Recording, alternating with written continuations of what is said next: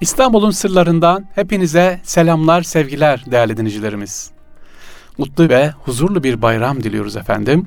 İstanbul'un sırlarında yine elhamdülillah sizlerle birlikteyiz. Bayramınız bayram olsun diyoruz sevgili dinleyiciler. İstanbul tabi diyoruz ama Osmanlı döneminde bayramlaşma nasıldı? Padişahın bayramlaşması nasıldı? Farklı padişahın diğerlerinden farklı mı? Hayır. İlk yaptığı şey nedir sevgiliciler? Valide Sultan. Valide Sultan'a gidilir. Valide Sultan'la bayramlaşılır. Bu çok önemli.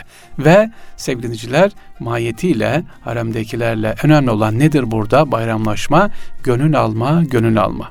Bayramlaşmanın en büyük özelliği gönül sevgiliciler. Eğer biz bayramın böyle huzurlu Allah Allah 2022'nin Ramazan bayramı farklı olsun diyorsak sevgili dinleyiciler ne yapmamız lazım? Neye dikkat edeceğiz?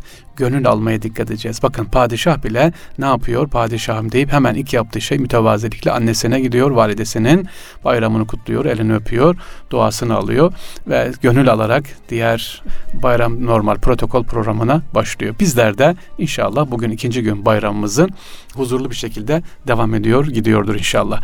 Sevgili dinleyiciler İstanbul'da anlatmak istediğimiz böyle gittiğimiz zaman farklı bana bugün sorular var. Hazır bayram olduğu için yeni konu anlatmayacağım. Belki büyük bir arkadaşlarımızın büyük bir kısmı Anadolu İstanbul dışındadır. Şimdi gelen soruları anlatacağım.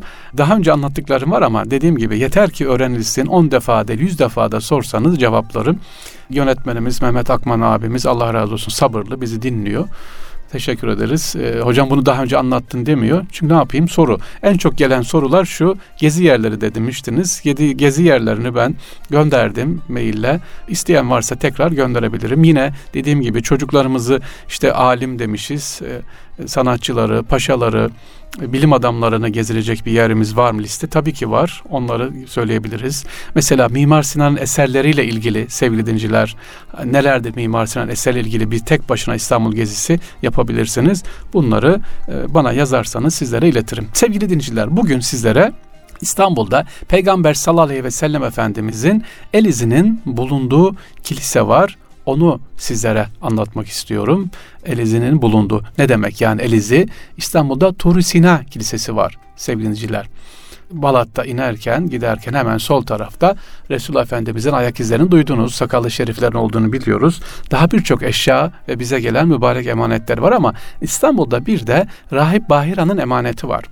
Nedir? Bu da kilise İstanbul Patrikliğine değil Sina Başkonsuluna bağlı. Bugün Turi Sina Kilisesi dediğimiz Balat'ta e, efendim. Hani hatırlarsınız e, İslam kaynaklarında şöyle diyor Turu Sina Resulullah Aleyhisselatü Vesselam 12 yaşındayken Papaz Bahira 25 yaşındayken Papaz Nestura tarafından gördükleri alametler neticesinde Hz. sallallahu aleyhi ve sellem efendim peygamberlerini müjdeledikleri bilinmektedir. İşte bu kilise Yavuz Sultan Selim Han Mısır fethinden sonra bu kiliseyi sevgili İstanbul'da da yapılmasını istiyor. Aynı buna e, bu Turisina'da kilisenin aynısı ve gelirken o kilisenin kapısına duran bir taş var efendim kitap ve böyle bir onu da İstanbul'a getiriyor. Nedir o taşın özelliği? Sembolik olarak, sembolik olarak Resul Aleyhisselatü Vesselam'ın el izini sembolize ediyor.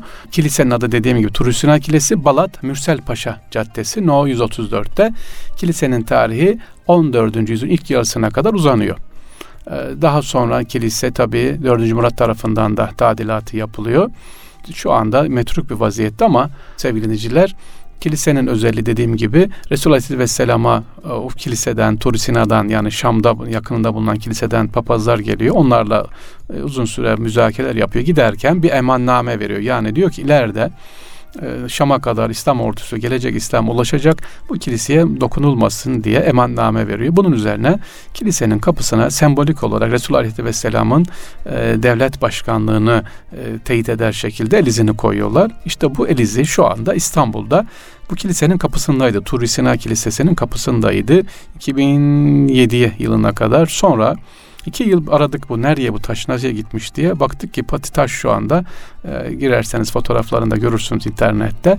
E, Patrikhane'de muhafaza altına alınmış. Balat'taki Patrikhane'de arka Ayazma tarafında duruyor. Birkaç defa gidip ziyaret etmiştik. İşte İstanbul'da bulunan bir emanet bu da. İstanbul'da peygamberimizin e, elizi var mı? Sembolik olarak dediğim gibi emannameye teşekkür elizi İstanbul'da Turu Sina Kilisesi'nde iken şu anda Patrikhane'nin muhafaza altına alınmış. Bir başka soru daha daha var sevgili dinleyiciler. Bu da sık sorular, sorulardan bir tanesi. Özellikle geçtiğimiz günlerde kardeşlerimiz Nur Osmaniye Camii'ne gitmişler. Nur Osmaniye Camii'nin e, özellikleri nedir?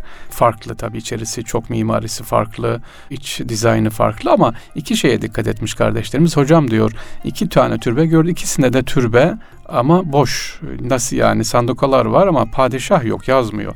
E, nasıl diyor böyle padişah yaptırmış Nur Osmaniye'yi ama içinde padişah yok Nur Osmaniye. İşte hikayesini anlatalım. Neden? Nur Osmaniye Camii'nde iki tane türbe var ama içerisinde padişahın kendisi yok sevgiliciler. Nur Osmaniye Camii'nde evet var. İçinde dediğim gibi Osmanlı Sultanı yok. Fatih ilçe müftüsünün olduğu yer orası şu anda. 10 tane sanduka var içerisinde bunların. Birinci Mahmut aslında cami ilk yaptıran birinci Mahmut. Nur Osmaniye Cami temelini attırıp yükselten ama nasip olmuyor. Cami 3. Osman tamamlıyor. Birinci Mahmut kendisi için türbeyi yaptırıyor. Fakat yerine geçen 3. Osman camiyi tamamlıyor. Birinci Mahmud'un bu türbeye değil Eminönü'ndeki Hatice Turhan Sultan türbesine gömülmesine izin veriyor. Peki 3. Osman camiyi tamamladı. O da kendisi için orada bir türbe yaptırdı. Defnedilmek istedi ama 3. Osman'a da nasip olmadı. Neden? 3. Osman'ın yerine geçen Sultan 3. Mustafa 3. Osman'ın da buraya defnedilmesine izin vermedi. O da Hatice Turhan Sultan türbesine defnettirdi. Yani Halef Selim iki sultan yan yana yatıyor. Nerede sevgili dinleyiciler? Eminönü'ndeki Yeni Cami'deki Hatice Turhan Sultan e, Külliyesi'nin içerisinde orada var. Peki başka bir soru daha var sevgiliciler. İstanbul'da Allah razı olsun e, bu soruyu sorduğunuz için. Diyorlar ki Süleymaniye Camii'ne girdik. Süleymaniye Camii etrafı, külliyeler hep bir uyum içerisinde. Yani mimari olarak birbirinin güzel devamı, bir ahenk var, bir estetik var ama çeşmeye bakınca biraz şaşırdık diyorlar. Süleymaniye Camii'nin girişindeki çeşme biraz mimari olarak farklı. Niye fark ettiniz dedim gençler. Neyidir sizi çarpı ya da şaşırtan? Fahri abi dediler çeşme bir tane. Yani meydan meydanda bir çeşme var. Bu çeşmenin etrafında 3-4 yerden de su akması lazım. Bir tane akıyor. İyi tamam başka bir de e, çeşmenin şekli farklı. Normal Osmanlı çeşmesi gibi değil. Çadır çeşmesi. Hah dedim. Evet doğrusu bu.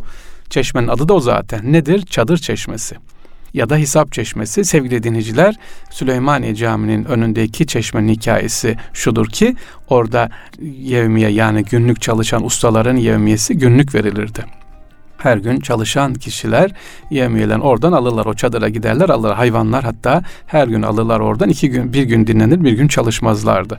E, işte orası ilk bizim neyimiz? işçilerin buluştuğu yer ya da muhasebe, hesap e, çeşmesi orası. Bitince cami e, çalışan işçiler de bizim için de bir hatıra olsun diye Mimar Sinan'dan rica ediyorlar ve işte bu hesap çeşmesi ya da çadır çeşmesi yapılıyor. Amaç nedir? O sembolik olarak işçilerin burada haklarının günlük alındığını. Bu da güzel bir sembol değil mi? Teri kurumadan çalışanların ücretlerinin verilmesi. Alnının teri kurumadan. Osmanlı böyleydi. Emeğe, hakka riayet ediyordu. Evet bu çeşmenin de hikayesi demek ki buymuş sevgili dinleyiciler. İstanbul'da yaşıyoruz ama İstanbul'u biliyor muyuz sevgili dinleyiciler? E, bu çok önemli. İstanbul'da mesela gördüğümüz birçok e, semboller var. Bunlar sözsüz iletişim. Nasıl Bizans döneminde varsa sözsüz iletişim bazı semboller Osmanlı döneminde de vardı. Sadaka taşlarıyla sevgiliciler e, yazılan yazılarla, ayetlerle e, mesela e, bir çeşme görüyorsun. Yazılar, ayetler var ama kimin yaptırdığını işte o anlıyorsun. Hangi tarihte? Tarih düşürme dediğimiz o bilgilerle anlıyoruz. Yeter ki biz İstanbul'umuzu merak edelim, soralım sevgiliciler.